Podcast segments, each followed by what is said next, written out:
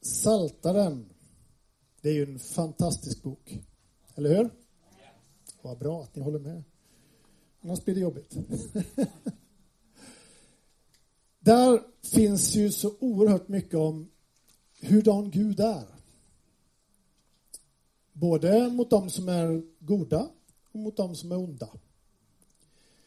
Oerhört mycket av tacksägelse i Saltaren. Och därför jag hade skrivit Gå in genom hans portar med tacksägelse. Eh, vi pratade lite grann innan mötet här, Anna-Karin och jag. Eh, det slog mig i natt. Efter jag hade förberett mig och gått och lagt mig så kunde jag inte somna. Låg och vände och vred på mig och funderade och tänkte och så kom jag på att tänka på det här med tacksägelse, tacksamhet. Jag tror i vårt land, i den här tiden som vi är i, så är det så mycket som vi borde vara tacksamma över som vi inte tänker på. Tänk att vi varje morgon när vi vaknar kan kliva ur sängen. En sån enkel sak. Och så går vi ut till badrummet. Anna-Karin berättade innan här om, om en toalettepisod. Tänk att vi, vi har toaletter med rinnande vatten. Så härligt och skönt. Slippa gå ut på utedass. Även om det har sin charm på sommaren och så här, men, men vintern är det ju inte så jättemysigt. Frigolit funkar. Jag har provat. Ja. Och frukost har vi hemma, för det mesta. Och det beror kanske, om vi inte har det, så beror det väl kanske mest på att vi har varit lata och inte gått till affären och handlat. För de allra flesta av oss här tror jag har den möjligheten i alla fall att kunna gå till affären och handla. Sådana självklara saker. Och vi behöver ju inte åka sådär jättelångt ifrån vårt fantastiska land och upptäcka att det är ingen självklarhet för alla. Tänk vad mycket vi har att vara tacksamma över. Och den här salmen är ju inget undantag, psalm 103 som David har skrivit. Han, en av alla hans psalmer, jag vet inte hur många han har skrivit, men han är ju orsaken eh, till otroligt många psalmer. Där, där han tackar Gud för, för allt vad Gud gör och så vidare. Temat för den här gudstjänsten tänkte jag ung på nytt som en örn. Ja. Och det är lite bra för örnen, havsörnen är ju Upplands landskapsfågel. Så vi ska beröra lite grann om, om örnen. Lova Herren min själ. Hela mitt inre prisa hans heliga namn. Lova Herren min själ och glöm inte allt gott han gör. Han förlåter dig alla dina synder och botar alla dina sjukdomar. Han friköper ditt liv genom graven och kröner dig med nåd och barmhärtighet. Han mättar ditt begär med sitt goda så att du blir ung på nytt som en örn. Alltså, bara de här verserna. Nu har vi bara tagit fem utav 22. Bara de där verserna är ju så fantastiska.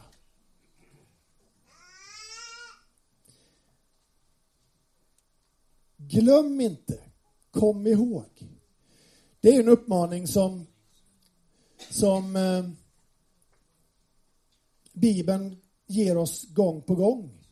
Att vi ska påminna oss om, glöm inte vilka lärare ni har haft.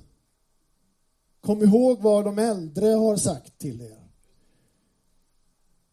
Håll liv i goda traditioner. Där är ju en viktig sak. Goda traditioner. Ja. Inte för traditionens skull, utan för att det är en bra tradition. Kom ihåg, glöm inte allt gott han gör. Inte bara det han har gjort, utan det han faktiskt gör. Mitt ibland oss. Jag menar, varje dag så möter vi ju saker och ting som Gud gör. Och min bön, min längtan, min önskan är ju att få se ännu mer utav det som Gud gör. Inte bara få höra rapporter utifrån hela vår fantastiska värld om vad Gud gör. Utan att vi får se i Enköping vad Gud gör. ännu mer. Han förlåter alla dina synder. Ja, men hur är det med hans då? Hans, hans synder eller hennes synder? Och då får jag väl säga som Jesus sa till sina lärjungar. Vad har du med det att göra? Det kommer väl inte an på dig?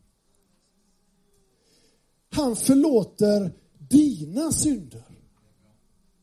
Och inte bara några stycken, utan alla dina synder. Oavsett kategori av synd du nu skulle kunna tänkas ha, så finns Gud där för att förlåta dina synder. Hur liten den än är, eller hur stor den än är, Gud har makten, Gud har kraften att kunna förlåta alla dina synder.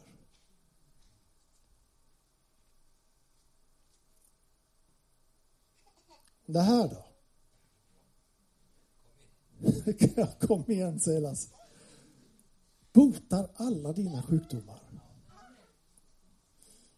Ja, men Gud kan väl inte bota alla sjukdomar? Det finns väl vissa sjukdomar och vissa handikapp och sånt där som, som nej, det går ju bara inte. Okej, en enkel förkylning, det, det kan väl Gud fixa, men, men kan Gud faktiskt fixa allt? Han kan det. Och det är likadant där då. Tänk, tänk att få se när Gud griper in. När du och jag får vara redskap för att Gud botar sjukdomar. Jag tror att det handlar om att du och jag ställer oss till hans förfogande. Att du och jag är beredda och villiga att gå den väg som Gud har tänkt för oss. Det finns inga sjukdomar som är för svåra. Det finns heller inga sjukdomar som är för enkla. Nej, men det där, det, det kan jag gå till Gud med, men, men inte det. Nej, men det står i Bibeln att vi ska komma med allt till honom. Alla våra bekymmer, vad det än är. Hur stora eller små de än kan tes, så vill Gud att vi ska komma till honom. Det slår mig nu en, en berättelse som jag hörde om en kung som hade audiens. Och det kom folk varje dag fram till honom och så begärde man eller bad om olika saker och det var, det var alla möjliga saker men, men för det mesta var det ganska små futtiga saker och han nekade i stort sett allt. Och så kommer en man och så han hade en, en lista så här. Och så räknade han upp den ena grejen efter den andra och det var stora saker, omvälvande saker för hans liv som han bad om. Och han fick ja på alltihopa. Och kungens rådgivare börjar fundera, har du slagit slint för Ers Majestät, hur, hur står det till? Och då säger han så här, alla de andra, de kom och bad om saker som de med lite egen strävan skulle kunna fixa själva. Den här mannen, han kommer till mig och behandlar mig som den kung jag är. Han ber om saker och ting som inte han kan ordna själv, men som jag på grund av min ställning kan fixa ganska enkelt för honom. Han behandlar mig som den kung jag är. Tänk om du och jag skulle göra så med Gud. Att vi behandlar honom för den som den han är. Han är konungarnas konung. Herrarnas herre. Mästarnas mästare. Du kan titta på vilket mästarprogram på tv som helst så finns inte det ens i närheten av den mästare som vi tror på.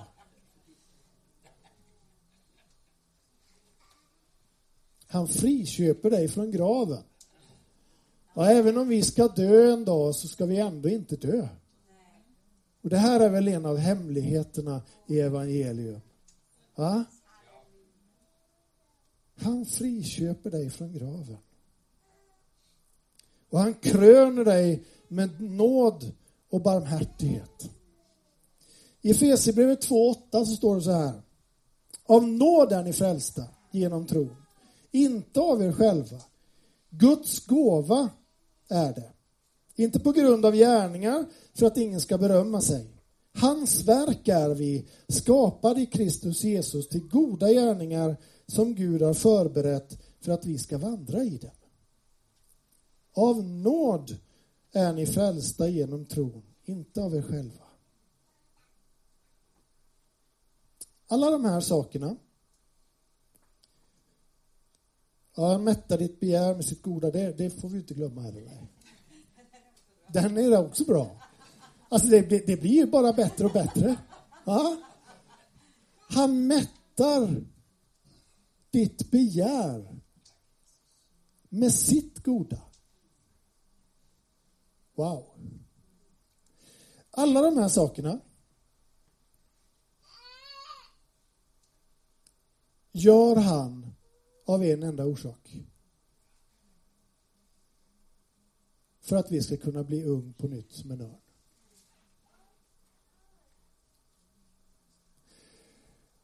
Och då är det ju så att för att förstå det uttrycket så måste vi ju lära oss lite grann om örnen då. Och ett första ord är från Jesaja. Han ger den trötte kraft och ökar den maktlösa styrka. Ynglingar kan bli trötta och ge upp. Unga män kan falla. Men det som hoppas på Herren får ny kraft. Det lyfter med vingar som örnar. Det springer utan att mattas. Det vandrar utan att bli trötta. Nu till örnen då. Om vi tar havsörnen som ett exempel då, eftersom den är oss så nära som vår landskapsfågel. Hur många nu som hade koll på det? Inte jag innan jag läste om det, men i alla fall. Örnen är en häftig fågel. Och havsörnen har en, ett vingspann på ungefär 2-2,5 meter. Det, det är en stor fågel. Mäktig fågel.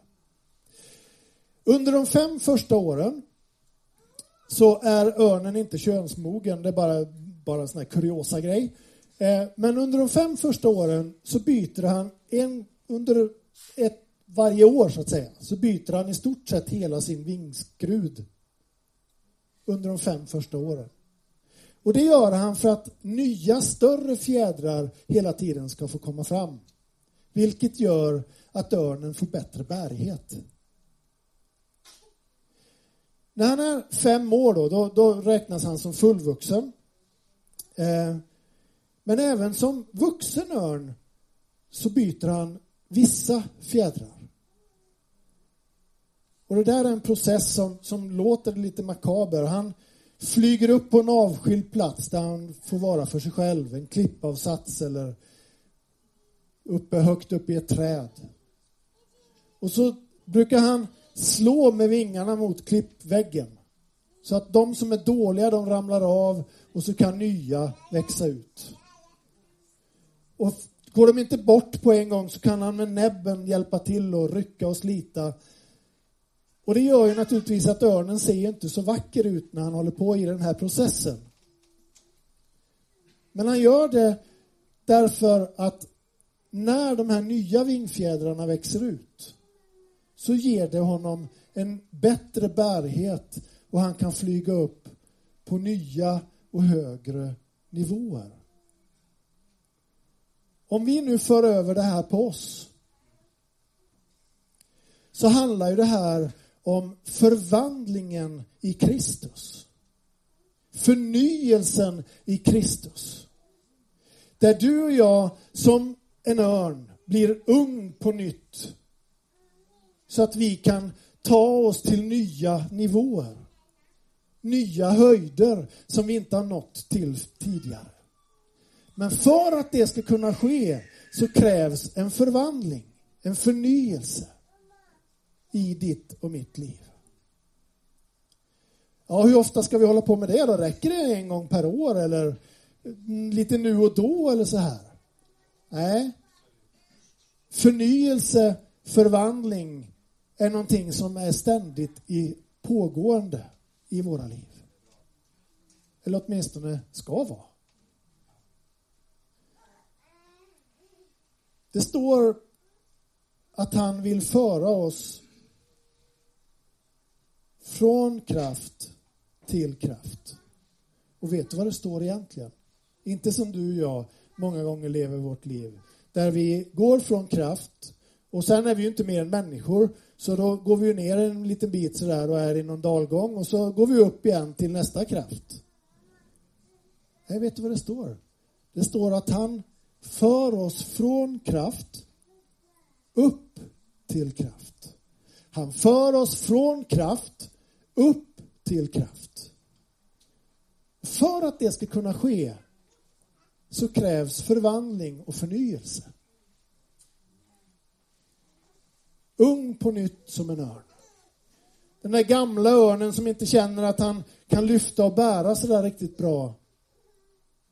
Han får ta bort de här gamla grejerna som är i vägen så att nytt kan få växa ut som kan bära honom upp på nya, nya, ving, nya höjder.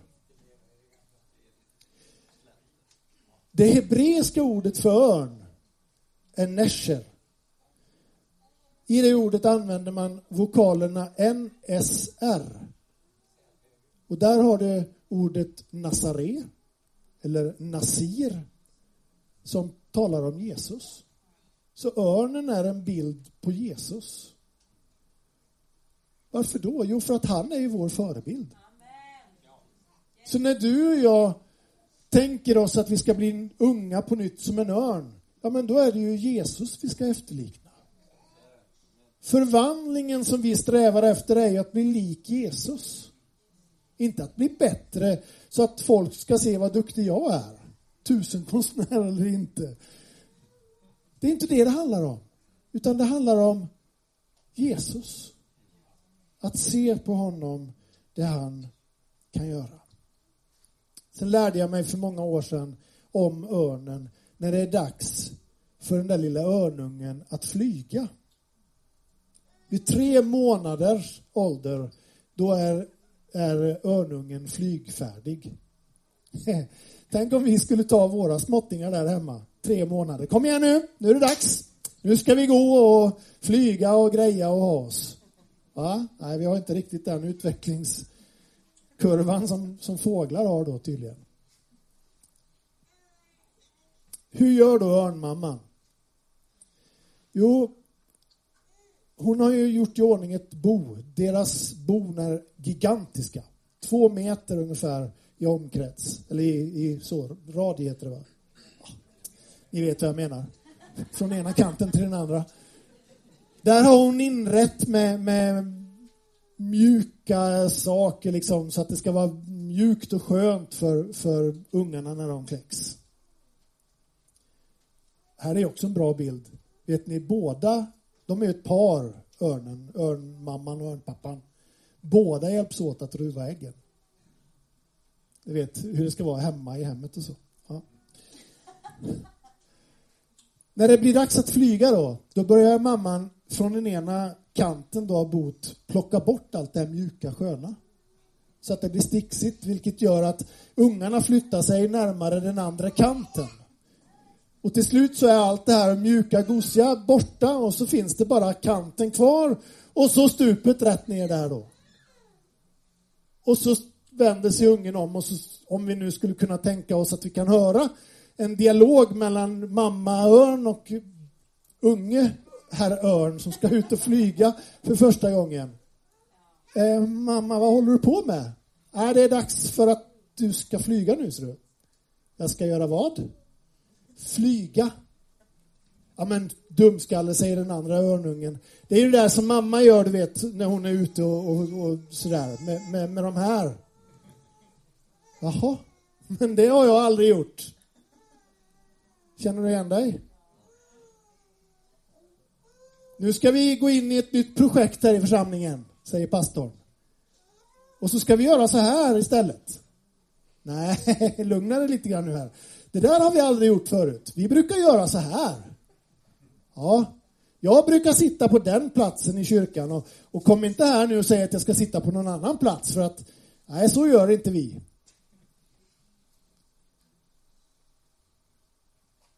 Örnmamman, om då inte ungen själv vill ge sig iväg ut i luften, petar ut ungen helt enkelt. Och så sätter hon sig på kanten där och tittar på ungen när den fladdrar ner där mot berggrunden och så tänker hon, jaha, det här gick ju inte så bra. Eller? Nej. Men så gör ju vi ibland. när det kommer någon ny som inte kan våra rutiner och vad det nu är. Så sätter vi oss där och så tittar vi och undrar, nu ska vi se hur det här går. Ja, han spelade ett D istället för G, det var ju klumpigt. Det var inte så bra gjort. Mm.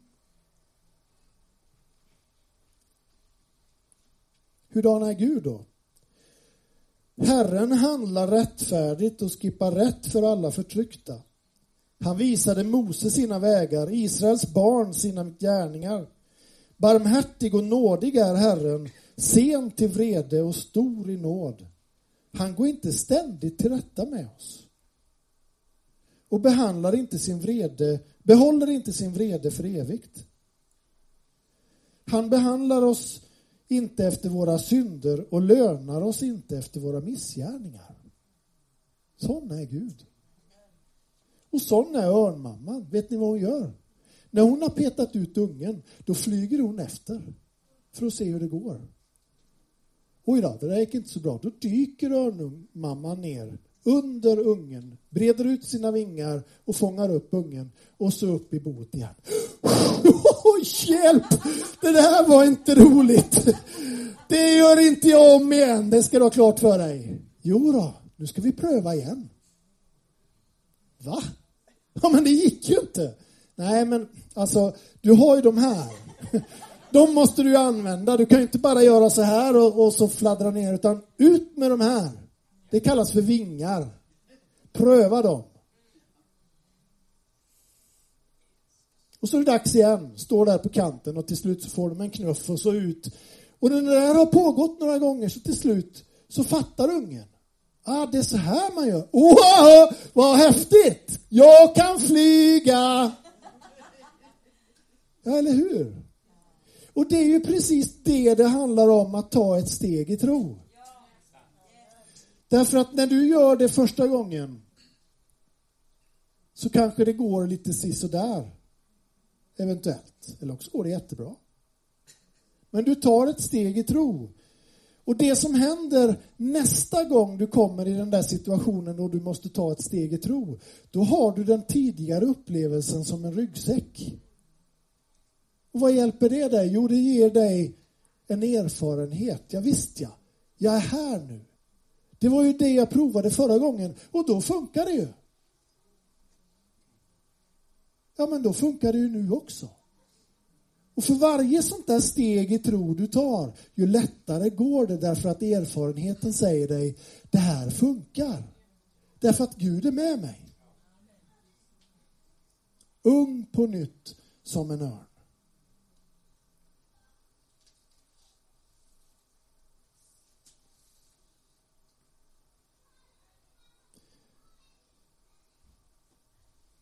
Sen kommer det ett, ett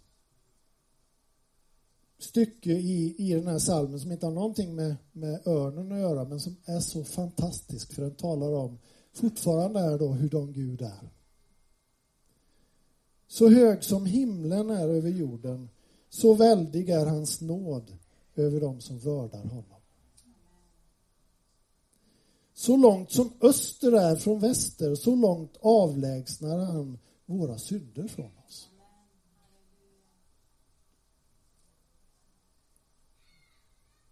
Så hög som himlen är över jorden, kan vi ens fatta det avståndet? Alltså det är ju, det är ju fantastiskt. Långt och, och stort och himlen, vad är det för någonting? När börjar himlen? Och när slutar jorden? Men det är kanske är lättare att förstå. Men, men liksom, ja, det, är, det är ju enormt högt upp. Och så långt låter Gud vår missgärning vara ifrån oss. Sen kommer ju ett, ett uttryck som är så häftigt. Så långt från öster som öster är från väster. Tänk om man hade sagt så långt som nord är från syd. Från Nordpolen till Sydpolen så är det 20 014 kilometer ungefär, fågelvägen. Hade han sagt från nord till syd... det hade varit bra med en jordglob. Ja, just det, det har vi där. Alltså, om man hade sagt från den punkten till dit, då hade vi kunnat räkna ut, ja okej, okay, så långt är det mellan, mellan min missgärning och, och Gud. Men nu, om du tänker att du står här på ekvatorn, eller där eller vad det nu är, ja, mitt i där någonstans. Och så går du mot öster. För att komma till väster. Vet du, du får gå hur många varv runt det här jordklotet som helst. Du kommer aldrig fram. Ja, men jag vänder mig om och så går jag åt andra hållet då. Ja, det spelar ingen roll, du. det är lika långt det. Alltså det här uttrycket är så häftigt. Fattar vi hurdan Gud är? Hur stor han är mot dig och mig?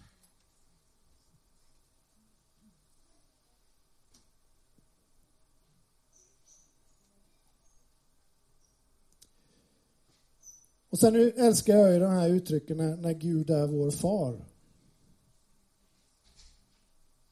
Tänk att vi har en far, en pappa som älskar oss över allt annat. Som är beredd att göra vad som helst för att det ska gå bra för dig och mig.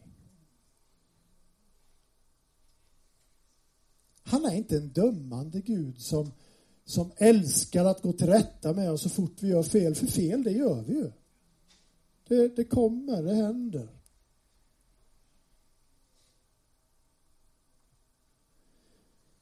Så som en far förbarmar sig över barnen så förbarmar sig Herren över den som vördar honom. För han vet hur vi är skapade, han tänker på att vi är stoft. Det finns ett villkor för att få uppleva Faderns omsorg. Och det är att vi vördar honom. Vad handlar det om? Handlar det om att i rädsla göra det han säger att vi ska göra? Eller vad handlar det om? Nej, det handlar egentligen bara om en sak. Och det är att jag tillbaka till honom visar min kärlek till honom. Där har du vördnaden. Därför att om min kärlek får genomsyras i min kontakt med Gud, då är ju allt annat oviktigt. Och ju mer kärlek jag visar Gud, ju mer kommer jag upptäcka hans kärlek gentemot mig. Och om nu vi som fäder, eller mödrar också för den delen, har förstånd nog att ge våra barn det de behöver. Hur mycket mer ska då inte Gud ge dig och mig? Bara vi söker honom.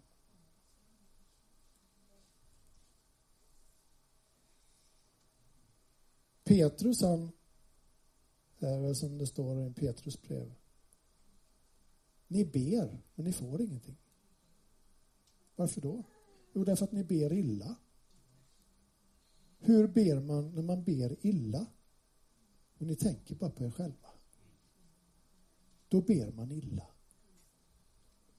Men när jag sätter andra i första rummet och ber för deras välgång, deras välsignelse, då kommer Gud också välsigna dig. Människans dagar är som gräset, hon blomstrar som blomman på ängen. Vinden sveper fram över den och den är borta. Dess plats minns den inte mer. Men Herrens nåd varar från evighet till evighet över dem som vördar honom och hans rättfärdighet ända till barnbarnen när man håller hans förbund och tänker på hans befallningar och följer dem. Herren har grundat sin tron i himlen. Hans rike råder överallt. Lova Herren, ni änglar, ni starka hjältar som utför hans befallning så snart ni hör ljudet av den. Lova Herren, alla hans herrar, ni hans tjänare som gör hans vilja. Lova Herren alla hans verk, överallt i hans välde. Lova Herren, min själ. Amen.